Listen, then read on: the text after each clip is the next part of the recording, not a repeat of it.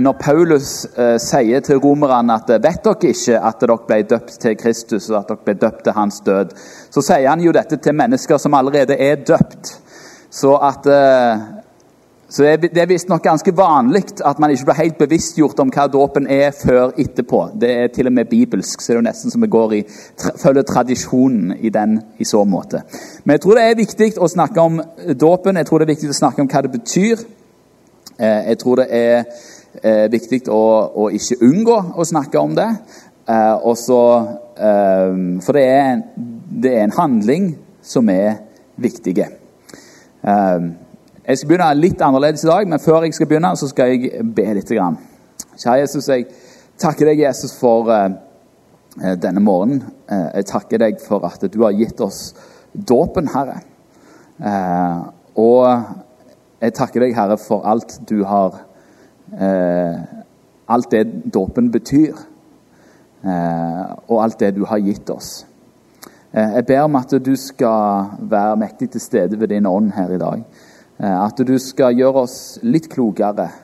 At du skal gi oss eh, litt, eh, litt mer visdom. og at du skal være til stede for å møte oss der vi er. Amen.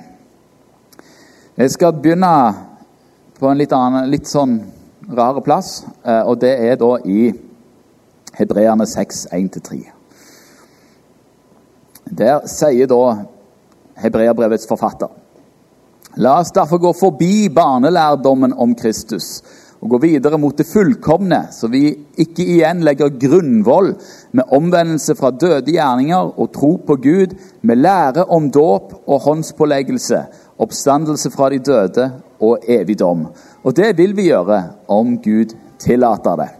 Så her eh, snakker da hebreerbrevets forfatter til eh, hebreerne eh, og sier da at eh, dere burde ha kommet lenger, dere burde ha modnes.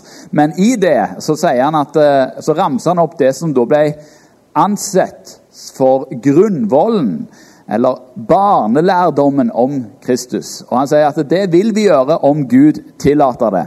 Så I dag så skal vi snakke om noe av det som er barnelærdommen om Kristus. De grunnleggende ting i Guds ord, som Hebreabrevet sier i kapittel 5-12. Vi skal snakke om dåpen. Og Jesus han eh, viderefører, eller innstifter eller viderefører kun to ritualer i løpet av sitt liv. Det er nattverden, og så er det dåpen.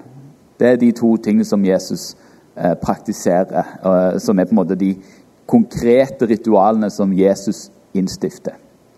Eh, felles for de begge er at de har blitt gjenstand for høylytte diskusjoner og uenigheter. Det har vært en av grunnene til at vi har organisert oss i ulike kirkesamfunn. Hvordan man forstår dåpen, Eh, er nok i dag kanskje det viktigste skillet mellom f.eks. pinsebevegelsen eh, og lutherske sammenhenger. Lutherske kirkesamfunn. Når undervisningen om forståelsen av disse ritualene de har egentlig alltid vært utfordrende i de protestantiske tradisjonene. Du kan si De ortodokse og katolske tradisjonene de er jo det vi vil kalle for gjennomritualiserte gjennomritualiserte. Alt blir gjort som et rituale. Um, de vektlegger ritualene, både i gudstjenesteformen sin og i sin forståelse av dem. Veldig mye handler om at man skal gjøre ting riktig på den riktige måten. Eh, for, for, eh, for, at Gud skal være i dem.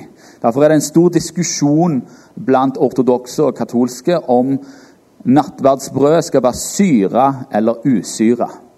Eh, og For oss protestanter så høres det helt merkelig ut.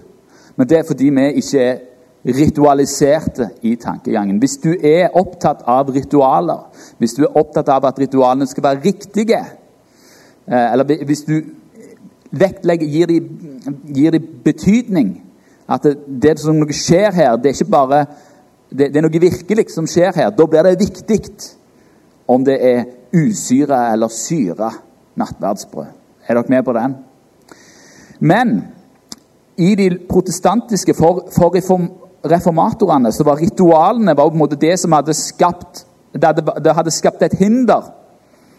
Snarere enn å være en hjelp til å forstå evangeliet, så så man det på som et hinder til å forstå evangeliet. Og Derfor så kvitta man seg jo med alle ritualer som ikke var eksplisitt uttalt i Bibelen. Men òg de eh, ritualene som man da faktisk hadde, og som faktisk står i Bibelen, som nattverd og som, eh, som dåp, eh, det, de har vært med på å, å skille de protestantiske kirkene ytterligere, fra hverandre. Veldig mange, Mye av skillene innad i de protestantiske bevegelsene har vært hvordan forholder man seg til, eh, til dette. De lutherske og anglikanske kirkene de gikk sånn halvveis på denne veien. Um, mens de kalvinistiske og baptistiske kirkene, som vi har arva mye fra, de, de, gikk på en måte hele veien og sier at dette her er bare symboler. Det er ikke noe virkelig som skjer i, i, eh, i, eh, i, i nattverden. Det er ikke noe virkelig som skjer kanskje heller i dåpen, men, men, det er en markering. Det er en, det, er en, det er en markering, det er et symbol. Siden de bare ble forstått som symboler, så mista de òg sin sentrale betydning i gudstjenesten. Blant kalvinister så var nattverd noe man gjorde én gang i året. Så hadde man en nattverdsgudstjeneste. Um, og Svingli han var kanskje den som, som da sa, uh, en av reformatorene som sa at uh, dåp er egentlig ikke nødvendig for å bli frelst. Det, det er bare bekjennelsen som er nødvendig. Uh, og, og, så gjør man det som, et, som, en, som en tegn på at man er frelst. Uh, så det, det her er et ganske stort sprik da, på hvordan man forstår ritualet. Um, for tingen er jo det at uh, hvis det bare er et symbol, så er det jo egentlig ikke nødvendig. Og, hvis det ikke er nødvendig, så, uh, så plasserer man det ofte litt til sida. Um,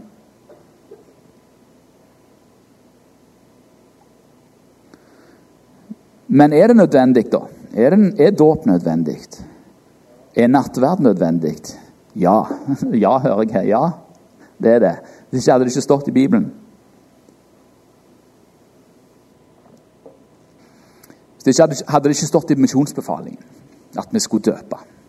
Så det betyr at dåpen er viktig. Og det var, et, eh, det var, et, interessant her, jeg vet ikke om det var for ett år siden eller et par år siden. Eh, så var Martin Cave her. Han hadde et, et poeng han ville få fram i forhold til dåpen. og Han er jo luthersk. Eh, og så, og så vil, vil, han prøve å bygge litt bro. og da sa han noe i retning av Og jeg er stor fan av Martin Cave, altså. Så, han sa noe i, i noen sånn retning av Kan vi ikke være enige om at det viktigste er å være døpt, og ikke når det skjer? Så gikk ikke den helt hjem i salen.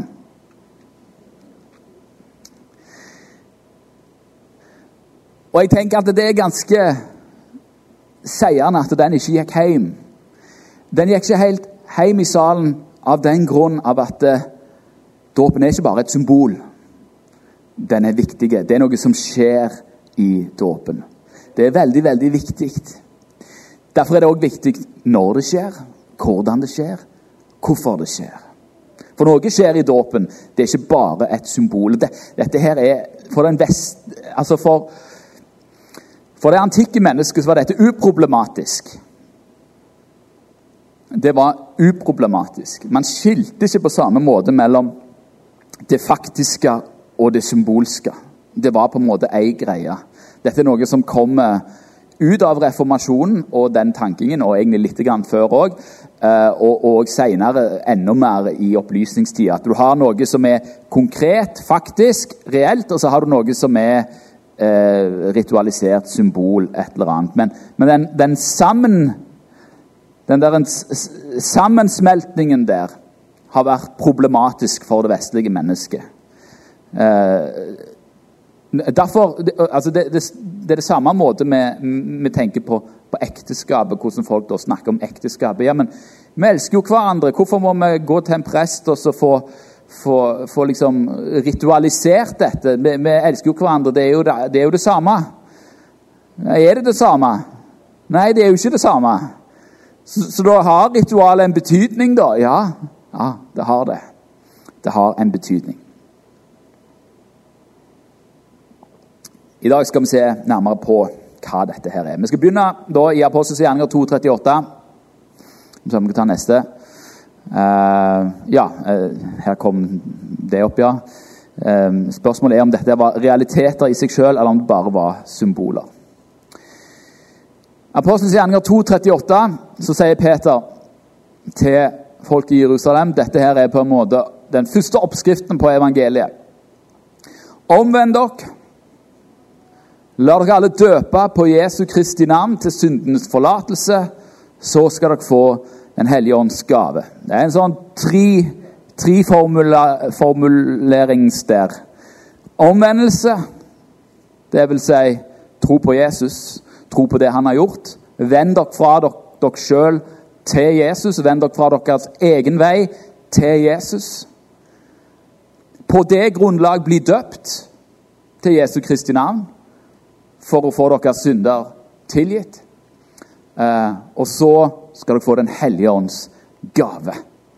Dette her er eh, åpenbaringen eh, Dette her er på en måte den tripart eh, som ble presentert for de første kristne. Eller for de, når man presenterte evangeliet. Omvendelse, dåp, dåp i Den hellige ånd.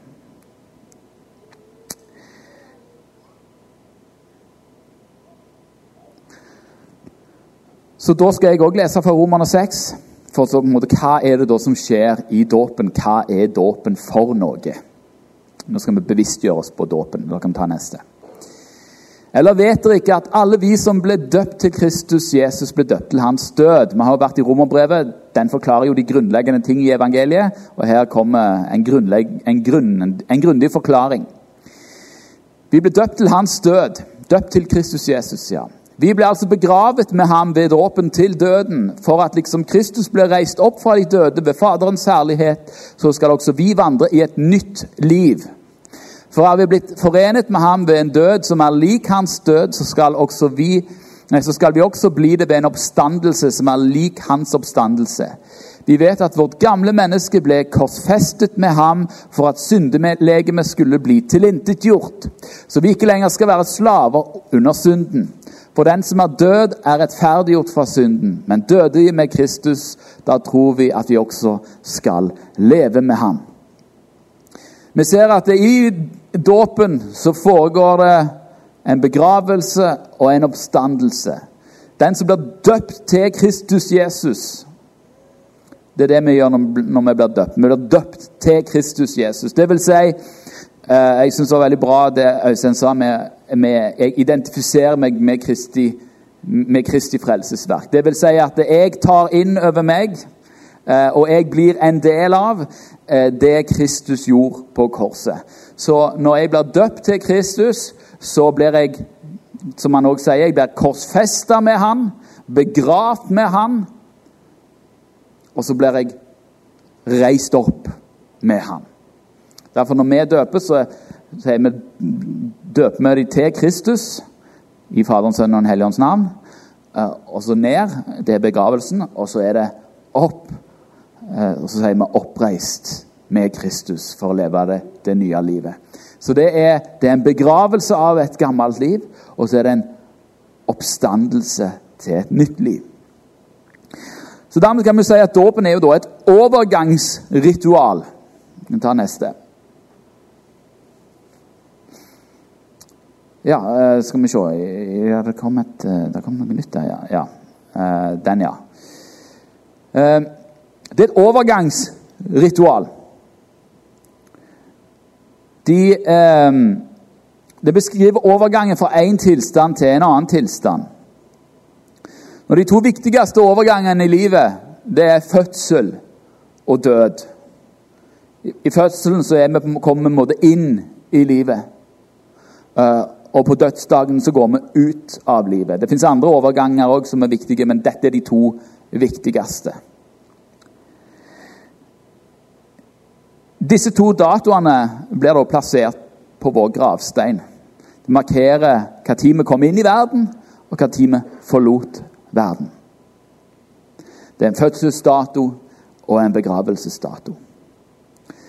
Dåpen inneholder begge disse to overgangene, bare i revers. Det begynner ikke med en fødselsdato og så en, en, en uh, begravelsesdato. Nei, det begynner med begravelsen, og så avslutter det med en fødsel. En ny fødsel. Du begraver det gamle, og så blir det nye født. Det er det som skjer i dåpen.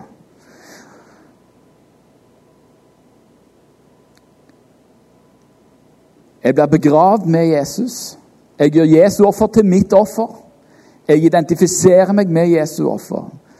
Og så blir jeg oppstått med Jesus. Det er en ny fødsel, det er et nytt liv, det er en ny skapning. I dåpen så mottar man alt det som Jesus har gjort. Hans død, hans offer og hans oppstandelse. I dåpen så går man over fra døden til livet. I Galaterbrevet så står det at 'jeg er korsfestet med Kristus', sier Paulus. 'Jeg lever ikke lenger selv, men Kristus lever i meg.' Det liv jeg nå lever i kjødet, det lever jeg i troen på Guds sønn, han som elsket meg og ga seg selv for meg. Når ble Paulus korsfesta med Kristus? Jo, idet han ble døpt. Der skjer korsfestelsen med Kristus. Da ble han korsfesta og begravd. Og Så lever han ikke lenger sjøl, men det liv han nå, men Kristus lever i meg. Det liv jeg nå lever i kjødet, det lever jeg i troen på Guds sønn, han som elsket meg og ga seg selv for meg. Så er da spørsmålet hvem kan bli døpt? Og Det er jo her eh, vi som har et baptistisk eh, dåpssyn, eh, er uenige med de som har et, et luthersk dåpssyn. Det betyr ikke at vi ikke skal eh, behandle de som har et annet dåpssyn, med respekt. Og Jeg skal komme litt inn i årsaken til at vi har forskjellige dåpssyn eh, senere. Men, men, Og det kommer jo litt inn i dette. her. Er det et ritual, eller er det virkelig? Er det her det skjer? Er det i dåpen jeg går over fra døden til livet, eller skjer det på et annet tidspunkt? Når skjer det?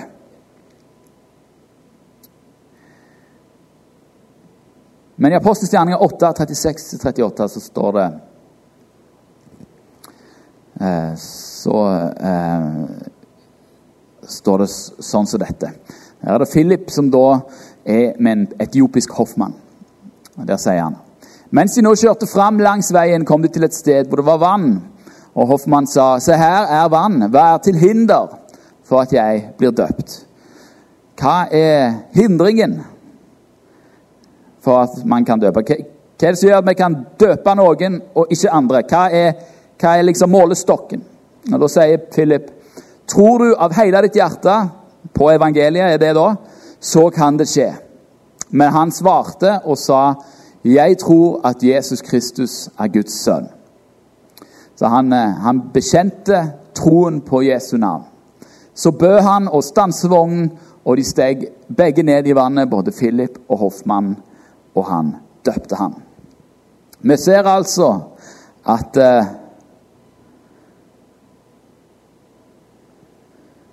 troen er uløselig knytta sammen med dåpen.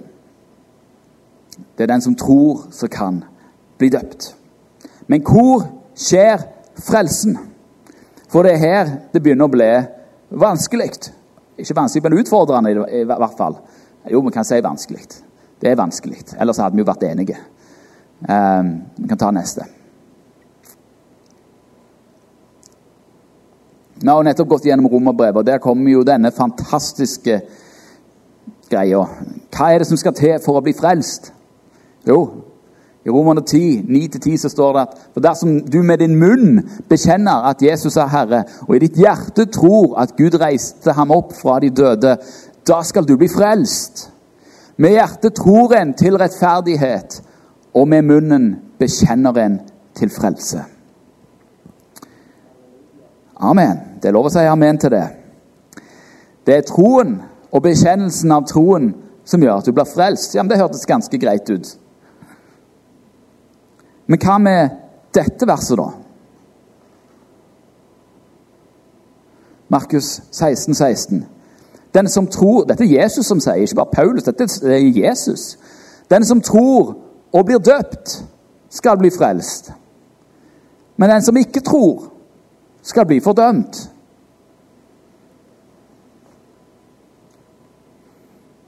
Ja, Når blir jeg frelst, da? Når jeg tror, eller når jeg blir døpt? Når ble den etiopiske hoffmannen frelst? Ble han frelst i det øyeblikket han sa 'Jeg tror at Jesus er Guds sønn'? Eller ble han frelst i det øyeblikket at um, Philip gikk ned og døpte han? Var det da han ble frelst? Var det da han gikk over fra døden til livet? Ble han frelst når han bekjente, eller ble han frelst når han ble døpt? Og Hvis jeg skal svare som en politiker, så svarer jeg ja.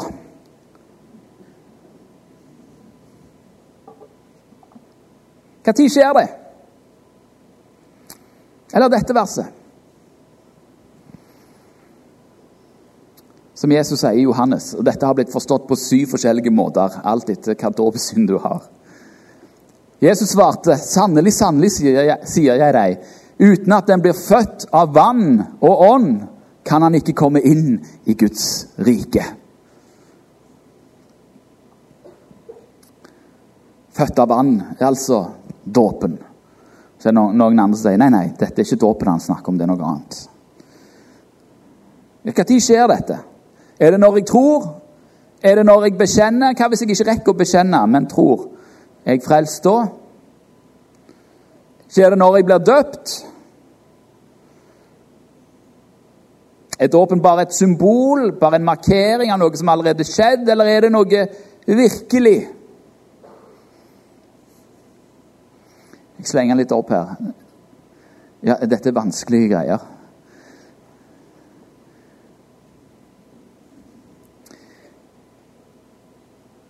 Dåpen er full av, uh, full av bilder. Det er enorme ting som skjer i, båt, i, i, i dåpen. Og, og, og, når, når uh, Peter skal sammenligne hva dåpen er for noe, så, så går han gammeltestamentlig til verks. Eh, og, og begynner å snakke om Noah. 1. Eh, Peters brev 3, 20-21. Eh, han snakker da om I den, sier han da snakker han da om, om i arken, eller i, i Noas i, ja, i Noas ark. I den ble noen få, det er åtte sjeler, frelst ved vann. Det som nå også frelser oss i sitt motbilde dåpen. Er det da frelse i dåpen? Eller er det ikke? Den er ikke en avleggelse av kjødets urenhet, men en god samvittighetspakt med Gud ved Jesu Kristi oppstandelse. Hvis vi går til den historien, Når ble Noah og hans familie frelst?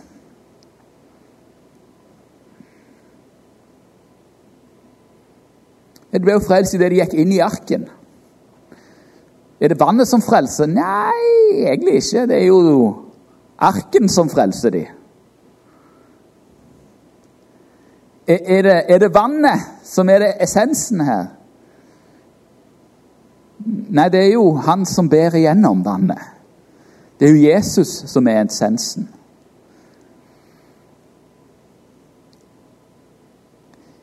Men det var idet de gikk inn i arken, at de ble frelst. Men i vannflommen så ble den gamle verden dømt. Og gjennom vannflommen så kom Noah til en ny verden. Og dette er essensielt å forstå. Vann, når vi snakker om vann på denne måten Vann som symbol, om du vil, eller vann Hva, hva er betydningen av vann? Så er så handler vann om en dom. Vannflommen var en dom over den, over, over den gamle verden. På samme måten er dåpen en dom. Hva blir dømt, da? Jo, det gamle mennesket. Det, det blir dømt med Kristus. Når, når Paulus sier at 'jeg er korsfesta med Kristus' En korsfestelse er en dom. Dåpsvannet er, er, er, en dom. Det er dommen over det gamle mennesket. Det er dommen over det mennesket som eh, bare vil gå sin egen vei. Men på andre sida av den dommen så er det da et liv. Et liv med Jesus. Det der det er, Den begravelsen, det er en dom. Det er en dom, det er en død, det er en begravelse. Og så er det en oppstandelse. Det er et, det er et nytt liv inn i en ny verden. Inn i et nytt rike. Men hva er det som frelser? Er det troen, da, og bekjennelsen? Og hva er da dåpen? Ja, Dåpen er dommen over din syndige natur, og det er inngangen til et nytt rike. Jeg tror det er et sentralt. Inngangen til et nytt rike. Paulus han, han går også gammeltestamentlig til verks når han skal forklare hva dåpen er. Eh, og Han sier da dette sa neste.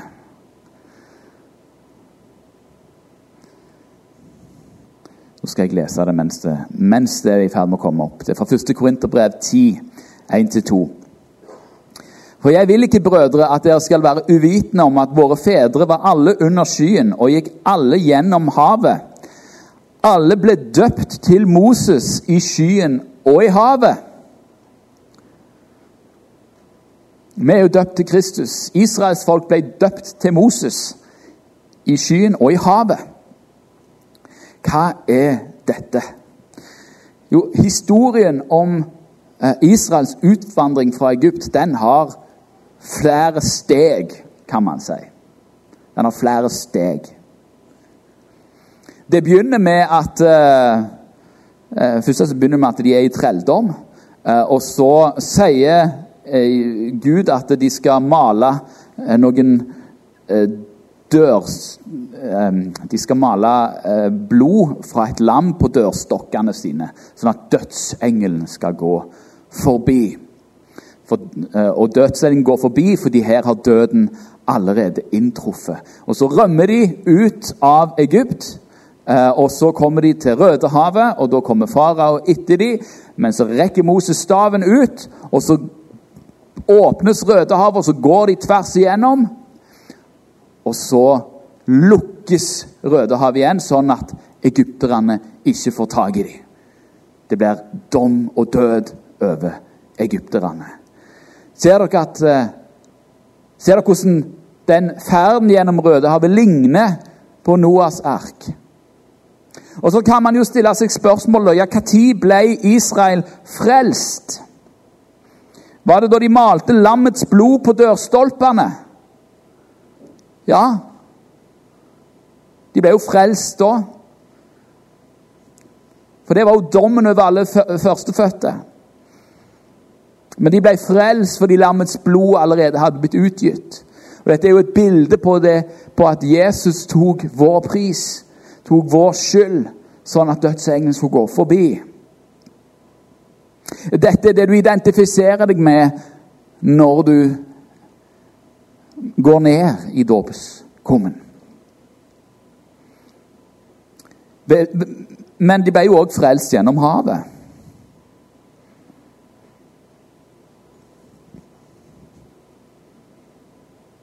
Ved lammets blod så unngikk de dommen over Egypt. Men det var gjennom havet at de kom ut av Egypts rike. På andre sida av Rødehavet så hadde ikke Egypt noen makt. Og det er essensen i dåpen. At ondskapens ånde her og djevelen ikke har noen makt lenger. Det er fullførelsen av frelsen. troen og bekjennelsen er uløselig knytta sammen med dåpen når, man går, eh, når man går eh, inn i dette her. Og det der spørsmålet om når du blir frelst, er, ja, det er et bra spørsmål. Det er et så bra spørsmål at, eh, at det er derfor eh, man har vært så uenige om det. Og, og det, er, det, er, såpass viktig med dåpen. Den er en såpass viktig del av frelsen. Og, og jeg skal ikke gå inn i, i debatter om, omkring eh, disse, de forskjellige dåpssynene. Men, men dere ser at det er ikke rett fram å si nei, nei, det er troen og, og, frelsen, det, det er troen og bekjennelsen som, som, som frelser. Dåpen har ingenting å si. Jo, dåpen har noe å si. Ja, Men hvor mye har han å si? Dere ser at dette her er ting som er knytta sammen, eh, og som er viktige, eh, viktige sammen. Blir du frelst når du tror? Ja, det tror jeg. Blir du frelst når du bekjenner? Ja, det tror jeg. Og så tror jeg at den frelsen fullføres gjennom dåpen. Det er da du er i det nye riket. Se på Galaterbrevet 3, 26-27 Så ser man hvordan troen og dåpen og Kolosserbrevet 2,12 ser man hvordan troen og dåpen er uløselig knytta sammen. Alle er dere jo Guds barn ved troen på Kristus Jesus. Ah, ved troen. Ja, det var jo kjempeenkelt. Det har du jo sagt, det er jo troen som frelser. Og så sier han rett etterpå For dere, så mange som er døpt til Kristus, har ikledd dere Kristus. Bekjennelsen av troen er dåpen. Det er Ja, jeg tror, jeg bekjenner, jeg blir døpt på min bekjennelse. Det, det er òg en måte å se på dåpen på. Det er selve bekjennelsen av troen.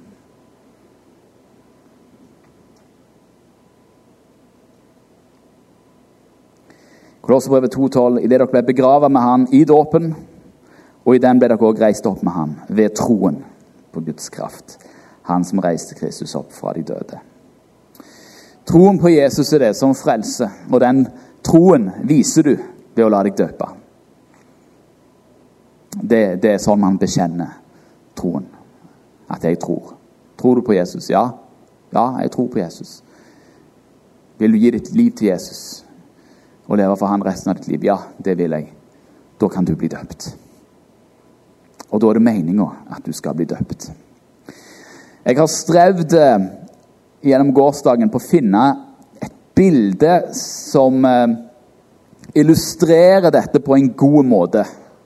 Og Jeg syns det er vanskelig å, å, på en måte finne et egnet bilde eh, som på en måte illustrerer hva dåpen er, og hva dåpen gjør i frelsesverket. Men når jeg satt her, så under lovsangen, så, så kom det et bilde som jeg tenkte Ja, det er, det er det beste bildet jeg har på hva relasjonen er mellom troen og bekjennelsen og dåpen. Hvis dere spør meg spørsmål om jeg har vært i Nederland, så vet jeg ikke helt hva jeg skal svare. Hæ? Du vet vel om du har vært i Nederland? Eh, for dere ser, Utenfor Amsterdam så er det en flyplass som heter Schiphol. Og den er en sånn transittflyplass som eh, eh, Hvis du skal til andre plasser i verden, så må man ofte lande og skifte fly på Schiphol i Amsterdam, som ligger i Nederland. Så rent teknisk sett så har jeg jo vært i Nederland. Jeg har satt mine føtter på nederlandsk jord. Men har jeg vært i Nederland? Nei, jeg har jo ikke gått gjennom passkontrollen. Så jeg har ikke på en måte vært i Nederland. Er dere med? Ser dere hvor jeg vil hen med dette bildet? Når du har tatt imot troen på Jesus, når du tror på Jesus, så har du landa i Nederland. Du har bekjent han som frelste. Yes, jeg vil følge Jesus. Bra! Du har nå landa i Nederland, men det er ikke meningen at du skal være i transittområdet.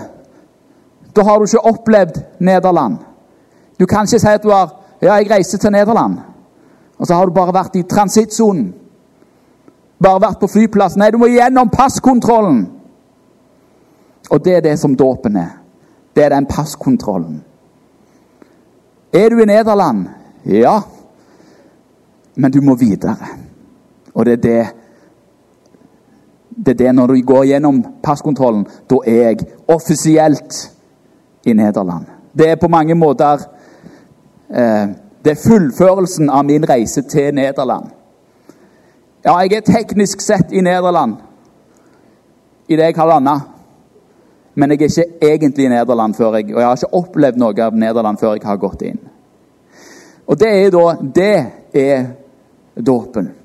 Troen på Jesus. Det å ta imot troen på Jesus, det er, det er frelsen. Det er Ja, jeg har landa i Nederland. Men for å komme inn i det nye riket, så går veien gjennom dåpen. Og Derfor er det ikke uviktig. Nei, det er en essensiell del av eh, det å være en kristen. Det å være en kristen er en eh, Eller inngangen til, til kristenlivet, det er en, en trepunktsreise. Det er å ta imot omvendelsen. Omvende seg. Ja, jeg tror på Jesus. Jeg tror at du sto fra de døde. Ja, jeg vil ha deg som herre i livet. Og så er det å handle på det er da å handle ved å bekrefte dette med dåpen. Og gjennom det så eh, kommer da Den hellige ånd. Eh, så får du da eh, gir det òg mulighet til å få Den hellige ånd.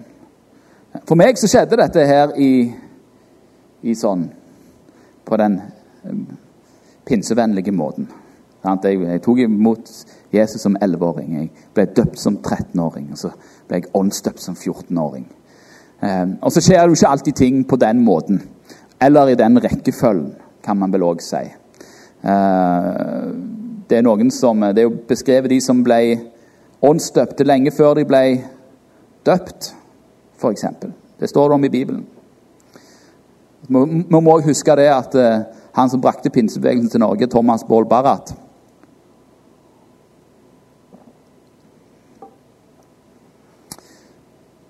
Han var ikke døpt baptistisk når han opplevde åndsdåpen.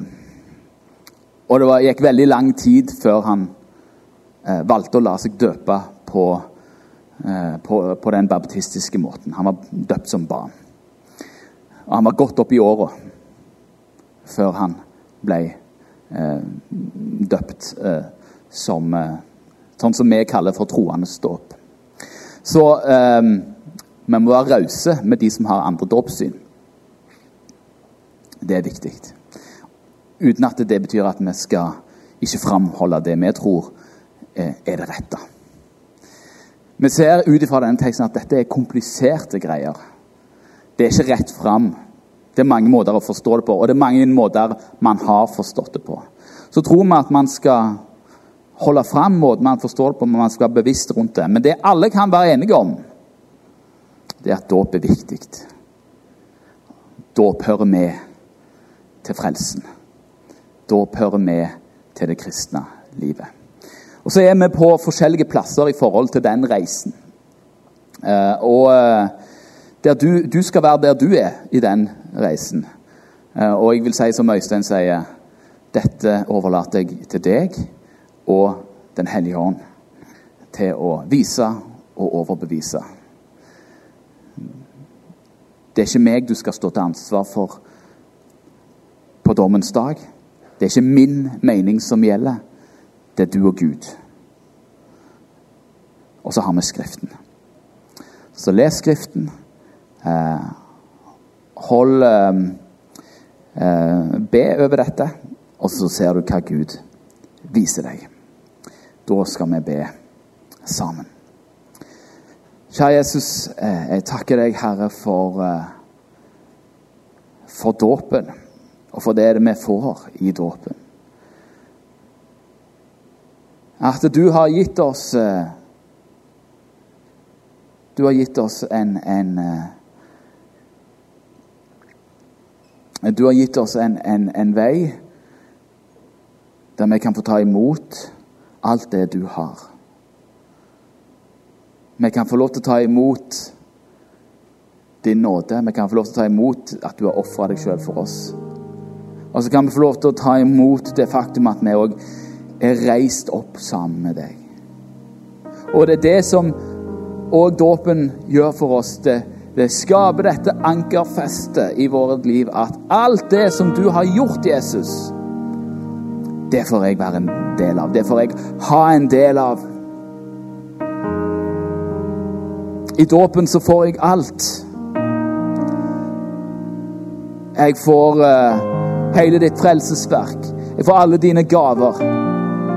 Jeg får være en del av et nytt rike.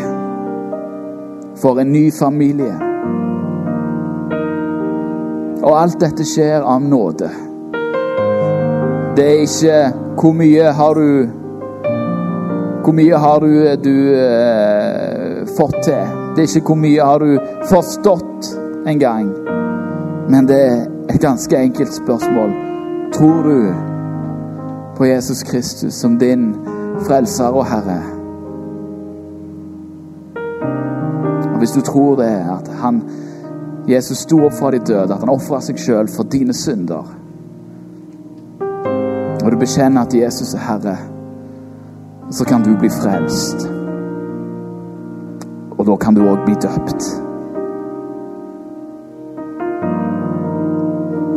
Takker deg, Herre, for at det ikke er et eh, prestasjonsverk, men det er et nådesverk. Det handler ikke om eh, hva jeg får til, det handler om hva du har gjort. så ser du alle de uenighetene som finnes omkring dåp. Og det er jo fordi det dåp er viktig, Herre. Jeg ber deg om at vi skal være rause med hverandre på denne reisen. Og stå med åpne armer sånn som du står med åpne armer. Kjære Jesus, du er Du er Herre. Og du vil vise oss den veien du skal gå. Ber om at du kommer og er med oss her nå i dag. Og at hvis det er noen som kjenner at eh, ja, de skal begynne på den vandringen mot dåp, at de, eh, de skal, skal, kunne gi seg sjøl til kjenne for det her.